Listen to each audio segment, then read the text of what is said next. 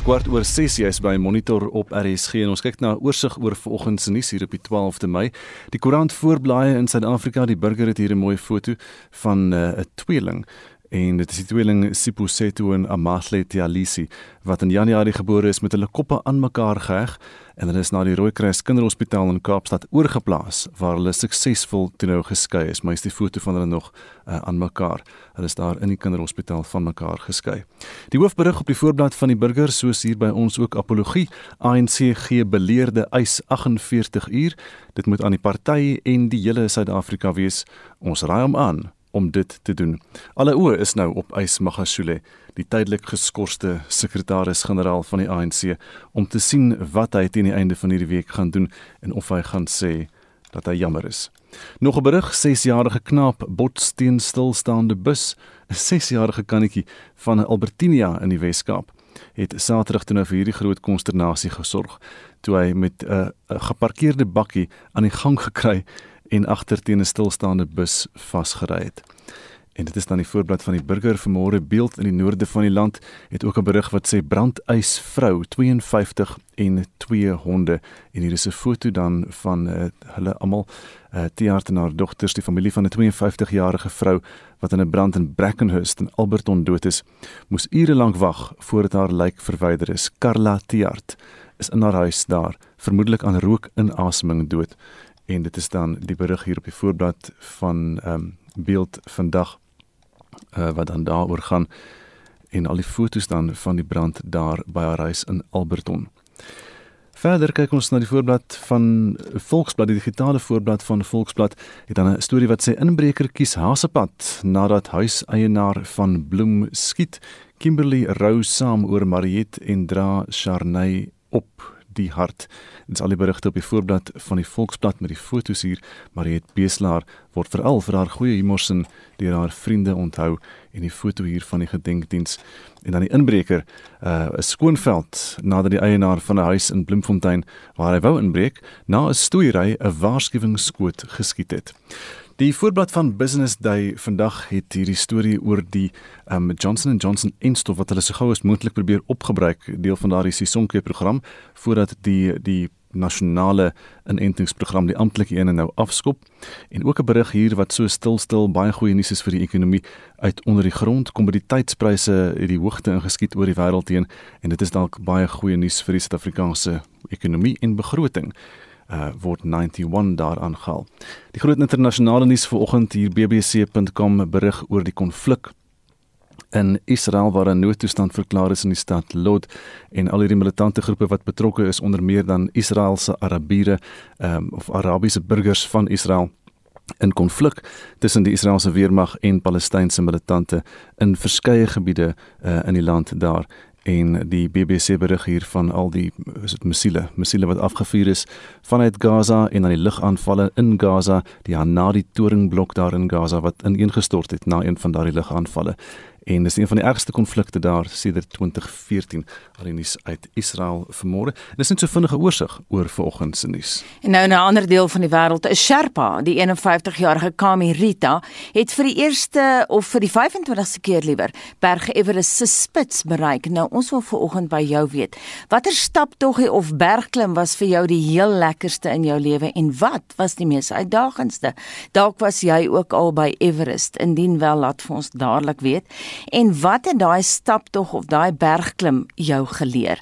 Stuur vir ons 'n SMS na 45889, dit kos R1.50 of gaan na facebook.com vorentoe skynstreep ZRSG of WhatsApp vir ons stemnota na 076 536 6961 076 536 6961 19 oor 6 en Metrobus pendelaars dis nou in Johannesburg word weer aangeraai om alternatiewe vervoer te kry terwyl werkers voortgaan met 'n staking. Al drie die Metrobus terminale in Johannesburg is gesluit as gevolg van 'n dooiepunt in salarisonderhandelings.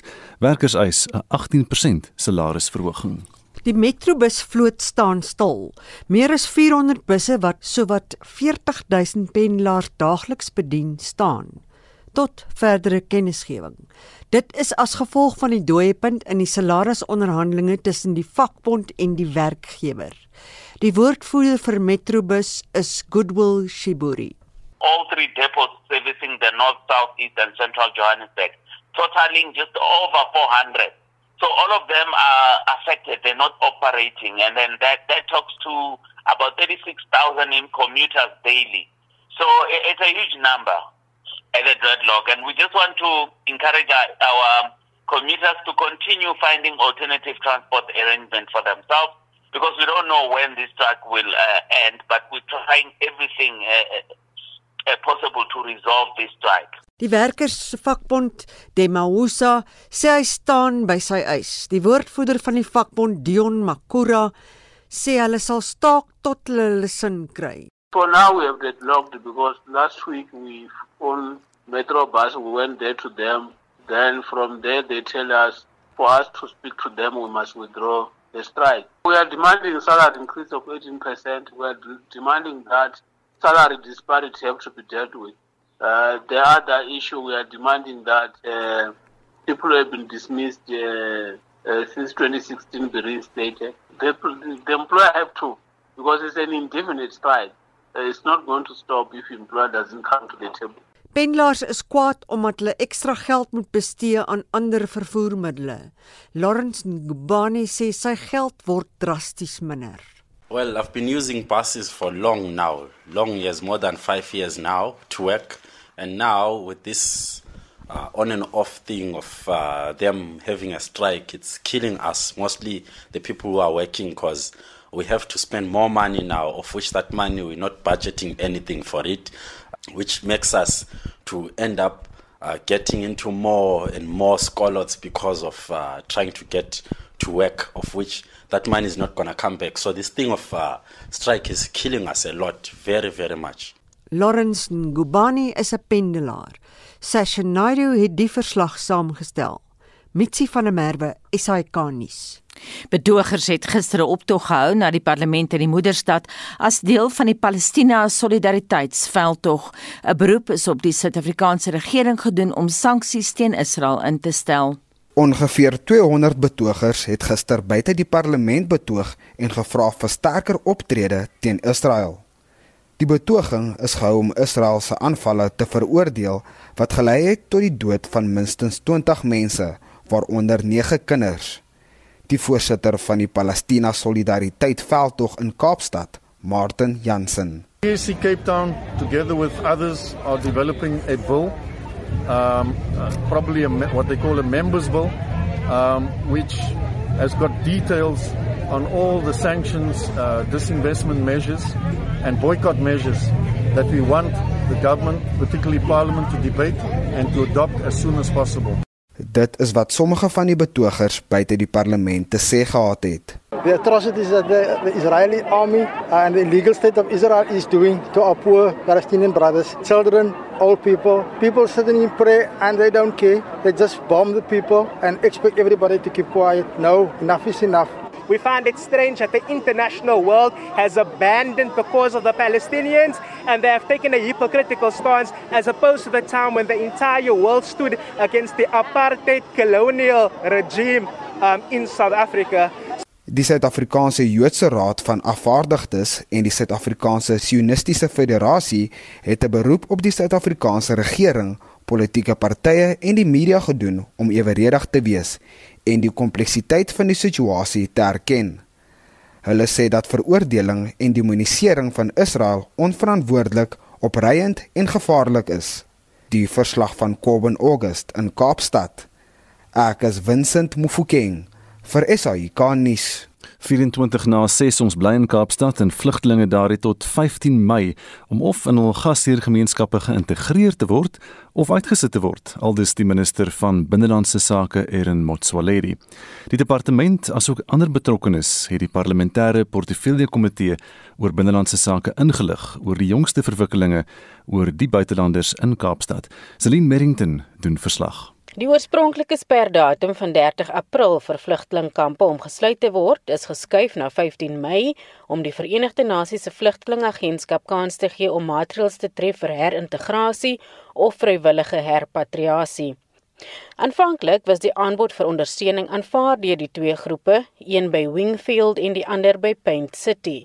Maar volgens 'n verteenwoordiger van die VN, Lenet Zulu, het die groep by Paint City van plan verander. We will pay for uh, three months um, uh, accommodation costs and also uh, settling in uh, costs as, such as uh, life saving food and so on for another three months. We have told uh, the people on both sides that our assessment and our willingness for people to support reintegration will continue until the 15th of May. After that, we can't keep an open ended uh, program. Volgens die minister van binnelandse sake, Aaron Motsoaledi, hou die groep by Paint City vol. Hulle wil in Kanada hervestig word. We are made to understand that some of them went to extent of selling all they own in the DRC, all their properties, sell them because they are en route to Canada, sell everything put the money in a bag and rush to South Africa where they were hoping that by protesting, by being very hard, by making sure that uh, there's no cooperation, the United Nations will finally relent and send them to Canada. That is what they are still believing. The ambassador of DRC told me that this is a well organized group because right from the time they left the DRC, they were not persecuted by anybody. Their intention was to go to Canada right from the beginning. Why then do they choose South Africa? Because they said in South Africa you can protest and do whatever. Nobody uh, uh, will touch you. And, and that's exactly what's happening. Alle rolspelers was dit eens dat hulle nie meer kan bekostig om die vlugtelingkampe te finansier nie. JP Smith van die stad Kaapstad sê hulle het miljoene rande spandeer waarvoor nie begroot is nie. To date the tents have though um Wingfield site has cost us um, 6,771,386 Rand. that does not include all the costs and overtime and police presence and the additional amenities. So if we had to do a, a more complete calculation, it would come to somewhat more than that. And so we are now caught in the situation where we can't legitimately and legally incur further cost, but that until the eviction is undertaken, all people are voluntarily reintegrated the cost continue to agree. Dit was die burgerskomitee lid vir veiligheid en sekuriteit by die stad Kaapstad, JP Smith. Zelin Merrington, Parlement. Estie Gustaf en ek is baie nuuskierig om te hoor of ons stappers het wat al Everest geklim het. Is nog nie een stapper wat sê hy of sy het Everest geklim nie. Anita Marlin Nina beskryf Mount Exos in die Drakensberge en sy sê die berg van water in die mis in stormwind en in sneeu en daardie kettingleer en dun dun lig. Baie gou moeg en een oomblik sien jy alles duidelik en die volgende oomblik niks met afgronde tot 400 voet. Dis gevaarlik verby. En Koos Gerwee laat weet Berg Mulanje in Malawi was sy lekkerste staptog. Dra mekaar se laste om kassa wat te kook by die oop vuur is nie pret nie maar die uiteinde was heerlik.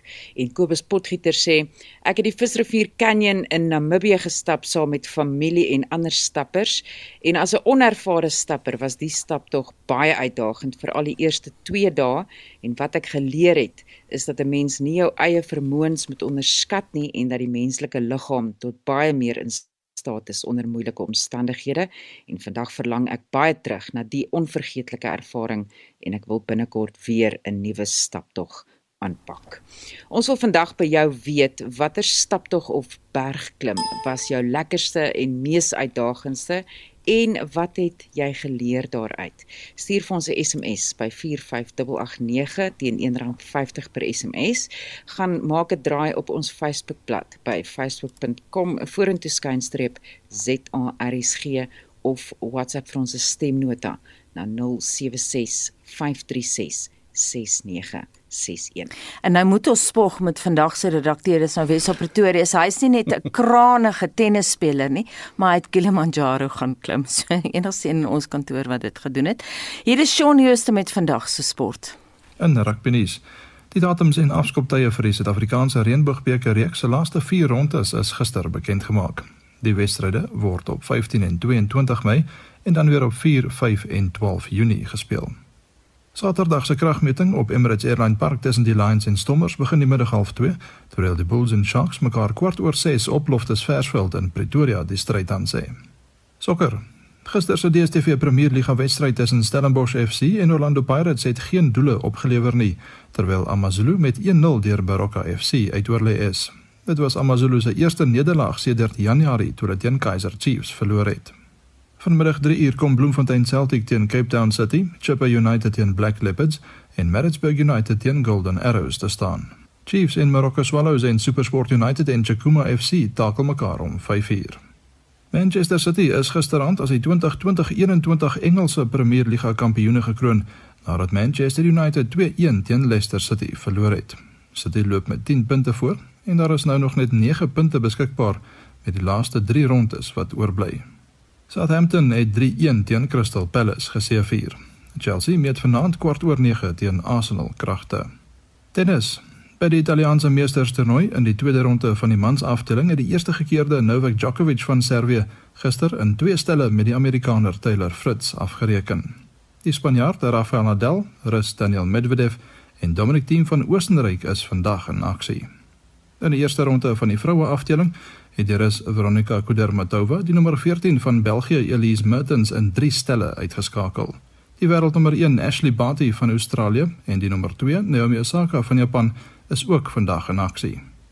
En laastens in golfnuus, die Europese toer is 'n Britse meesterstoernooi slaan half 9 in Wishaw in Engeland af.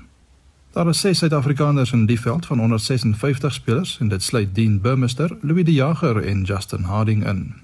Die Italianer Renato Paratore is die verdedigende kampioen. En die vroue sonskynreeks se Suid-Afrikaanse Ope begin môre in Kaapstad by die Westlake Golfklub. Daar is gister aangekondig dat vier spelers uit die reeks plekke in die kwalifikasietoernooi vir vanjaar se Amerikaanse vroue Ope kan losspeel. Shaun Schuster, SAK Sport. Dis nou so 22 minute voor 7 uur by Monitor en vervaardigingsproduksie het in Maart 2021 verjaar met 4,6% gestyg. Dis nou teenoor Maart 2020 'n jaar gelede. Ons praat met die senior ekonom by die Buro vir Ekonomiese Onderzoek op Stellenbosch, Lizette Eysel de Schipper. Lizette, goeiemôre. Goeiemôre. Is hierdie 'n syfer wat ekonome verwag het? Hierdie is selfs bietjie beter as wat die ekonome verwag het. Die 4.6% jaar-op-jaar toename volg na 2 maande van dalende produksie en was die vinnigste groeikoers sedert April 2019.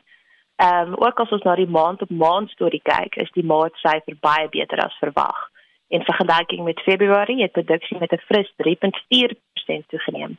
Dit beteken dat vir die eerste kwartaal in sy geheel is produksie weer 'n rapsie op in vergelyking met die vierde kwartaal van 2020. En dit is weer baie positief vir BBP groei, want dit beteken dat die sektor is heel waarskynlik 'n klein positiewe bydrae gaan lewer tot, tot groei, eerder as bietjie aftrek wat ons aanvanklik verwag het. Wat sou mense kon sê is die redes vir hierdie stygings? Daar is 'n paar sektore wat uitstaan wat baie sterk gegroei het in Maart en ek kyk nou na die jaar-op-jaar prentjie spesifiek. Een van hulle is die drankbedryf wat 35% toename gesien het op 'n jaar-op-jaar basis, maar die voedselbedryf in die algemeen het baie goed gedoen. 'n uh, Ander sektor wat goed gedoen het is tekstiel waar produksie met meer as 40% gestyg het in vergelyking met Maart 2020 en dan glas en uh nie metale minerale, dis goed soos sement het ook met 20% gesien, 'n uh, groei gesien. En dan die finale sektor wat ek graag sou wil uitlig is die motorvervaardiging bedryf produksie van voertuie, maar ook parte en toebehore het met meer as 30% jaar op jaar gegroei. Watter sektore het toe nou nie so goed gedoen het, het het 'n negatiewe bydrae gelewer?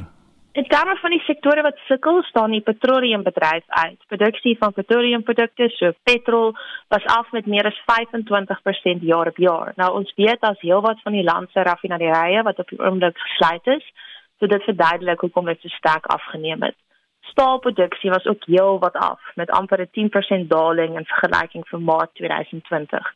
Maar daai prentjie lyk dan bietjie beter as die vorige maand, as die produksie met omtrent 25% geval het.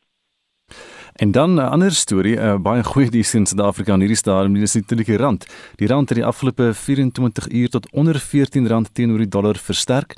Wat is die redes vir die rand wat so goed doen en wat beteken dit uh, vir ons ekonomie? Ek sien hy staan in hierdie stadium op 1407. Ja, kyk die rand uh, word gedryf deur verskillende faktore. Op die oomblik is dit natuurlik ook belangrik om te kyk na wat gebeur met die dollar. En ons weet die dollar het bietjie onder druk gekom na hulle indiensneming data uitgekom het dit Vrydag en baie baie swakker was as wat hulle verwag het. Maar Suid-Afrika se kommoditeitspryse, uh, soos ons uitvoer kommoditeite eerder, doen baie baie goed wat natuurlik weer die rand ondersteun. Uh in vergelyking met ander ontleikende marke, lyk Suid-Afrika ook nie so sleg nie. So die rand mag wel bietjie sterker bly vir 'n rukkie. Dit beteken natuurlik nie dat dit noodwendig goeie nuus is vir die vervaardigers hulle sal dalk 'n swakker rand verkies wanneer ons kyk na uitvoere. Maar dan aan die ander kant, terme van invoere, help 'n swakker rand om dit ehm bietjie minder duur te maak. En in terme van hierdie kommoditeitspryse wat nou skielik so goed doen, het dit 'n impak daar. Die kommoditeitspryse wat so goed doen is redelik op die op die verwagtinge maar ook die data wat ons sien dat die globale ekonomie baie baie beter begin doen. Ons weet China groei sterk, ons weet die Amerikaanse ekonomie uh, doen verskriklik goed. So baie van ons uitvoerkommoditeite word gebruik in groot ehm um, infrastruktuurprojekte mm. byvoorbeeld van die uh, platinum produkte ook word gebruik in voertuigvervaardiging en dis 'n sektor wat besig is om te herstel. So dit lyk op die oomblik redelik goed vir ons. Lisette baie dankie Lisette Essel die skipper is 'n senior ekonom by die Buro vir Ekonomiese Onderzoek daar op Stellenbosch. En van ekonomie na die politiek, die geskorste ANC sekretaris-generaal Ys Magashule het 48 uur om in die openbaar om verskoning te vra vir die skorsingsbrief wat hy aan die ANC president Cyril Ramaphosa gestuur het. Die party se adjunk sekretaris-generaal Jesse Duarte het die media by Lutuli huis in Johannesburg na afloop van die NUK vergadering toegespreek. Die nasionale uitvoerende komitee van die ANC het soos verwag virtueel vergader. Sy posisie oor die resolusie van lede om uit te tree is herbevestig. Die NUK verwag nou dat die geskorste Magashule in die openbaar om verskoning moet vra vir die skorsingsbrief wat hy aan president Ramaphosa geskryf het. Dr. Magashule en die NUK lid Bongani Bongo is uit die virtuele vergadering geskop. Die adjunksekretaris-generaal Jesse Duarte. So there is a need for a retraction of that statement made by the SG. Nevertheless, the NEC is very clear that there is no legal basis in our constitution for that to have been done, in the ANC constitution even. And therefore, the suggestion was to request the SG to do so within 48 hours. And the President made that at the end of his statement. Uh, although in the NEC body there was no timeline given. And I just want to be clear about that. We're hoping that within this week we will see the SG doing so. Intussen sê Duarte dat die ANC nog 6 lede van die nasionale jeugtaakspan moes laat gaan omdat hulle ouer is as die ouderdomperk van 35 jaar. We need to bring back to the NEC and that's where decisions are made and corrected if they are wrong. Uh, to review that and to ensure that we're very clear that on the day that you turn 35, you have to depart from the ANC. Um, and I hope that's very clear, and it is in the constitution of the ANC Youth League, which must apply. Duarte het ook erken dat die ANC op die oomblik geldelike probleme het, maar het ontken dat 50% van sy werknemers ontslaan gaan word. Sy sê die party sal wettig optree en ander maniere vind om weer finansiëel haalbaar te word. Abongile Dumako het hierdie verslag saamgestel. Mitsi van der Merwe SAK-nuus. 16 voor 7 inwoners van die stad van Tshwane sê hulle word deur die metropolisie daar in die stad geterroriseer. Motoriste vertel verhale van aanranding, intimidasie en dreigemente deur Tshwane metropolisie beamptes in 'n poging om omkoopgeld te kry. Nou drie mans met wie SAK-nuus gepraat het, sê identiteit is bekend aan die SAK, maar het verkies om anoniem te bly omdat hulle bang is vir vergelding. Lila Magnus het meer.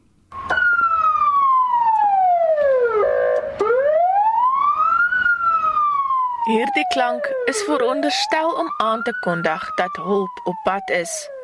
Maar in die stad van Tshwane boesem die klank en flikkerende blou ligte vrees in, soos hierdie mans verduidelik. Sodra mens metropolisie sien dan dan raak mens yskoud en jou hart wil amper gaan staan. Want ek moet 100% eerlik wees dat dit vir my vrou baie meer traumaties was as wat dit vir my was. Sy weier posies nou om enigins daardie pad te ry op haar eie praat ek nou nie eers van as hy bestuur en hy sien metro polisie op die pad nie, jy weet. Ehm um, hulle het jou adres, hulle weet waar jy bly. Ehm um, so ja, dis 'n dis 'n verskriklike traumatiese ding om deur te gaan en dit bly vir baie lank by jou. Albei is slagoffers van Tshwane Metro Polisie beamptes. Die een is in April die jaar afgetrek nadat hy die aand saam met sy vrou van die lughawe afgekom het. Hulle is gedreig en intimideer nadat die alkoholblaastoestel gewys het hy is oor die limiet. Hy voer aan hy was 100% nugter. Die tweede een is erg aangerand, geskop en met 'n vuurwapen teen die kop met die dood gedreig toe hy 'n vriend wat in April 2019 deur die metropolisie afgetrek is, wou help. Die privaat speurder Mike Bolhuis sê hy ondersoek korrupte metropolisielede in die hoofstad al vir baie lank.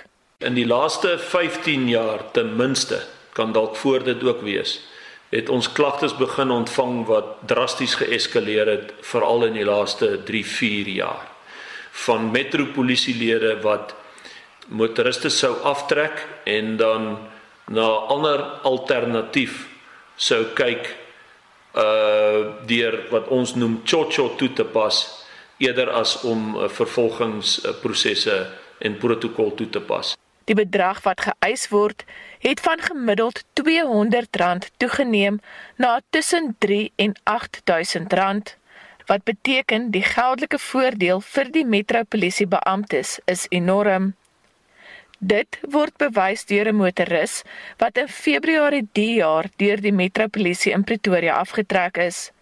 Hy is vir 'n uur in die vangwa aangehou nadat die alkoholblaastoestel gewys het sy bloedalkoholvlak is bo die limiet, hoewel hy beweer dit was nie.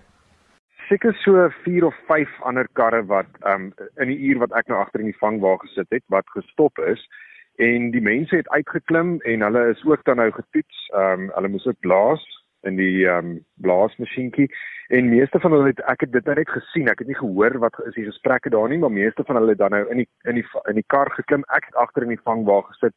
Dit is nou natuurlik 'n dubbelkajuit bakkie en hulle het agterin geklim en oproepe begin maak waarin hulle elke keer aan familielede of vriende dan nou gesê het hulle soek R3000, bring nou R3000 of hulle soek R2000. Dit was uh, bedrag van 2, 3 en 5000 rand wat genoem is.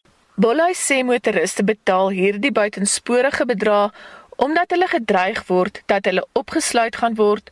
Hierdie motoris bevestig dat dit met hom gebeur het. Dit was definitief 'n wat hulle subtiel aggressief as ek dit so kan sê want hulle of of die mens probeer intimideer in sin van dat hulle heeltyd beaal hulle gaan jou um laat jy na na um Pretoria sentraal te vat en ek gaan toegesluit word en hulle gaan my bloed trek en so meer. So dit is definitief nie dat daar gegil en geskree en gevloek was nie. Dis meer hierdie subtiele intimidasie wat plaasgevind het in terme van waar hulle my gaan vat en wat die volgende prosesse is en dat hulle vir my en my vrou gaan opbreek. Bolai sê uit sy ondervinding het die aggressie waarmee metropolisielede motoriste hanteer aansienlik toegeneem. Dit is baie duidelik in die sake wat ons in die laaste tyd gekry het dat die aggressie level het baie baie geklim in die laaste jare uh tydens polisie en metropolisie korrupsie. Daar's al onmiddellike aggressie wat jou intimideer en jou bang maak. Hy sê dit is grootendeels motoriste se skuld wat die omkoopmonster gevoed het tot so mate dat dit nou amper onbeheerbaar geraak het. Ons sit in 'n situasie waar crime begets crime. Misdaad verwek misdaad. Die die bottom line is as daai tendens aangaan, dan is dit 'n betalende bedryf, 'n misdaadsbedryf en dan gaan dit weer en weer en deur meer en meer toegepas word. Crime begets crime. Bollai sê indien motoriste nie ophou omkoopgeld betaal nie, gaan die probleem nie weggaan nie. Ek is Lila Magnus vir SAIK nuus in Pretoria. Die Tswane burgemeesterskomitee lid vir gemeenskapsveiligheid, Karen Meyer, sê die stad is bewus daarvan dat korrupte metropolisielede motoriste terroriseer vir omkoopgeld. Ons joernalis Lila Magnus sê daar gaan uitvra. Hoe groot is die probleem van korrupte metropolisielede in die hoofstad? In Tswane spesifiek is het ons 'n verskriklike groot toename gesien in in in korrupsie en omkopery. Uh, en dit dit is regtig uh, skrikwekkend. Dit daar's geen geheim daaromtrent nie. Waarom skryf julle hierdie toename toe? Ek dink die feit dat ons in hierdie ekonomiese tye sit, die uh, uh, uh, almal sukkel. So die metropolisie en en en polisielede sien daar's gate in ons jurisdiksiesisteem en ons dissiplinêre sisteme. En hulle sien wat ons leiers doen in, in nasionaal wyd en hulle kom weg daarmee. So in hierdie arrogansie, arrogansie wat ons elke dag by TV sien van ons ekskuus vir my Engels so-called political leaderships. En daai selfe arrogansie deur word nou deurgeskemer na na grondvlak toe waar al hierdie amptenare met mense werk en hulle magsposisies dan nou misbruik. Wat doen julle om hierdie mense te identifiseer en hegtenis te neem en te vervolg? Ons kyk na moontlike vennootskappe met gemeenskapspolisieeringsforums en sekuriteitsmaatskappye eh, en dis meer om te kyk na veilige stopzones. Verder is ons ook besig om ons geïntegreerde polisie bestuurstelsel op te stel wat basies beteken dat ons kyk hoe om ons uh, offisiere te mon moniteer as ook te evalueer en ons hulpbron om te kyk waar hulle is, wat maak hulle, mag hulle daar wees, daai tipe van ding. Ons kan ook verstrikkings daarstel. Alhoewel uh, ons is baie afhanklik van die distrikshowe se applikasieprosedure en die samewerking van hierdie uh, buite ehm uh, instansies. En dit is 'n geweldige langdurige proses. Is dit bestuurders se verantwoordelikheid om te probeer om hierdie situasie stop te sit deur nie om koopgeld te betaal nie. Absoluut. Kyk, uh, dit ons gaan nooit hierdie bose kringloop stop as die inwoners nie ophou betaal nie. As niemand betaal nie, gaan hierdie ding weggaan. En ek wens die inwoners wil dit besef. Jy's net so skuldig soos daai offisier wat vir jou omkoopgeld vra as jy betaal. En daai baie goeie raad kom van die Tshwane burgemeesterskomitee lid vir gemeenskapsveiligheid Karen Meyer en sy het met Lila Magnus gepraat. 7 minute voor 7 en 'n diplomatieke twis dreig tussen Namibië en Botswana oor 'n voorval op die Chobe rivier waarin lede van Botswana se weermag die afgelope naweek glo toeriste van Namibië geïntimideer en gedreig het. Die gemoedere in Namibië se Zambesi streek loop sedert November hoog toe drie Namibiese broers en nog 'n familielid op die rivier deur soldate van Botswana doodgeskiet is. Ons medewerker Frikkie Wallis verduidelik wat die afgelope naweek gebeur het. Namibië het vinnig werk gemaak en 'n span na die gebied gestuur te hoor is van die voorval waar soldate van Botswana se verdedigingsmag volgens berigte aanvalsgewere op twee bote vol toeriste gerig het wat op 'n wildbesigtigingstoer op die eh, Chobe rivier was. Die bote het volgens Botswana se verslag na die Botswana kant van die rivier gedryf, maar dit word deur die Namibiese ondersoekspan betwis. Die Namibiërs voer aan dat GPS-lesings toon dat Botswana se gebied nooit binne gegaan is nie. Dit is ook ten sterkste deur die twee Namibiese skippers ontken wat die presiese plek waar die voorval gebeur het aan die ondersoekspan uitgewys het. Waar staan die ondersoek nou? Die verslag van die ondersoek is deur die Namibiese polisie en die afvaardiging van die Namibiese vloot aan die betrokke owerhede oorhandig sodat dit nou op 'n diplomatieke vlak hanteer kan word. Die waarnemende polisiebevelvoerder van die Zambesi streek, wat die voormalige Kaprivi strook is, Nehemia Joseph, het bevestig dat dit in die hande van die inspekteur-generaal van die Namibiese polisie, luitenant-generaal Sebastian Betunga is. Dit is juis in die Zambesi streek waar die spanning hoogloop nadat die broers en 'n neef van hulle in November deur Botswana soldate doodgeskiet is waar hulle vis gevang het. Namibië soek soveel inligting as moontlik by getuies van die naweek se voorval veral omdat van die Botswana soldate glo een of meer AK-47 gewere op die toeriste gerig het wat glo in Namibiese gebiedswater was. Dit word volgens Tetunga in 'n uiters ernstige lig gesien. Is daar enige waarskuwingsskote geskiet? Daar word in die ondersoekverslag geen melding van enige geweerskote gemaak nie. Ook nie presies hoeveel toeriste betrokke was of van waar hulle gekom het nie. Was daar enige reaksie van die twee presidente hieroor? Namibië se president Hage Geingob het die Sambesi streek en die Impalila nedersetting waar die broers gebly het twee weke gelede besoek waar hy sy meegevoel met die familie van die broers uitgespreek het en waar hulle ma ook daarna vermoedelik van skok oorlede is. Na die naweek se voorval het Gengop en Botswana se president Mokgweetsi Masisi vir kalmte van inwoners langs albei kante van die rivier gevra. Ons Namibiese medewerker Frikkie Wallis in gesprek met Mitsi van der Merwe daaruit Swakopmund. Nou die Namibiese Ministerie van Toerisme het intussen in 'n verklaring gesê dat konsultante in Namibië en Botswana genader is om alle rolspelers te betrek vir aanbevelings oor hoe die Chobe rivier volhoubaar deur almal benut kan word. Terug in Suid-Afrika, 'n Siamese tweeling van die Oos-Kaap wat by die skedel verbind was, is tydens 'n operasie by die Rooikruis Kinderhospitaal in Kaapstad suksesvol van mekaar geskei. Die tweeling is op die ouderdom van slegs 4 dae in Februarie na die hospitaal gebring, so berig Tanya Krause. Siposeto en Amashli is in die Oos-Kaap gebore. Hulle toestand is seldsaam. Dit kom slegs in sowat 1 uit elke 2.5 miljoen lewende geboortes ter wêreld voor. Chirurge sê in die geval was daar nie gedeelde breinweefsel of bloedvate nie. Die hoof van plastiese chirurgie by die Rooikruis Hospitaal, professor Sally Adams, sê hulle het verwag dat die operasie 6 ure sou duur, maar dit is deur 'n span dokters binne 'n uur en 'n half suksesvol voltooi. From now on forward, we, we, we will only need to assess the wound healing and assess whether the scalp flaps that we actually raised um, survive and, uh, and that we exclude infection. And that should take uh, three to four days. And if everything is fine after three to four days, well, then we can discharge them home and in the care of uh, local doctors uh, in the Eastern Cape. Adam sê die span beplan om die tweeling weer oor 'n maand te sien. Following on that, we probably see them uh, in, in 6 to 12 months, whereby if they have any contour irregularities or uh, the head shape is not as we would like it to be or uh, the parents are unhappy, and then there's a number of things that we could offer them in terms of contour correction, um, i.e. fat grafting, uh, uh, uh, uh etc., scar revisions if they require it.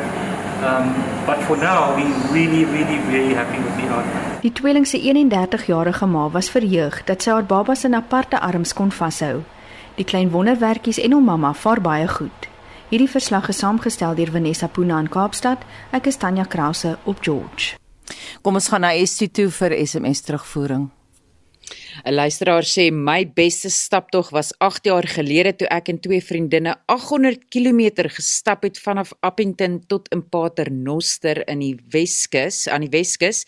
Dit was 'n ongelooflike voorreg en al die agterpaaie het ons opgestap. Party dae was dit vreeslik warm, ander dae het ons sopnat gereën, maar ek sal dit enige tyd weer doen en hierdie luisteraar sê ek glo as jy as jy dit kan droom kan jy dit doen en Jack Pinaar sê sy lekkerste staptog was die otter en die les wat hy geleer het is stap altyd saam met iemand wat 'n sterker stapper is as jy. Sonja Vermaak skryf vir ons ek en twee vriendinne het 10 jaar gelede Kilimanjaro gaan klim. Dit was 'n ongelooflike uitdaging maar heerlik. En Jolandi laat weet die Blyderrivier Canyon en moet nooit gaan stap as die weer opkom nie. Laat weet vir ons wat was jou uitdagendste staptog of bergklim wat jy nog ooit gedoen het en wat is die les wat jy daaruit geleer het? Stuur vir ons 'n SMS by 45889. Onthou dit kos R1.50 of WhatsApp vir ons stemnota na 076 536 69 0891104561. Bly by Monitor want later in ons program na 7 het ons 'n storie oor hoe dinge in Jeppy staan in Johannesburg gaan en daar gaan dit baie baie rof. Ons praat met 'n luisteraar Isabel Kutse en ons kry ook reaksie van twee politieke partye, die DA en die Vryheidsfront Plus oor wat hulle daaromtrent gaan doen. Bly ingeskakel vir daardie onderhoud, maar voordat dit gebeur, gaan Anne Marie van Berg vir ons die nuus lees.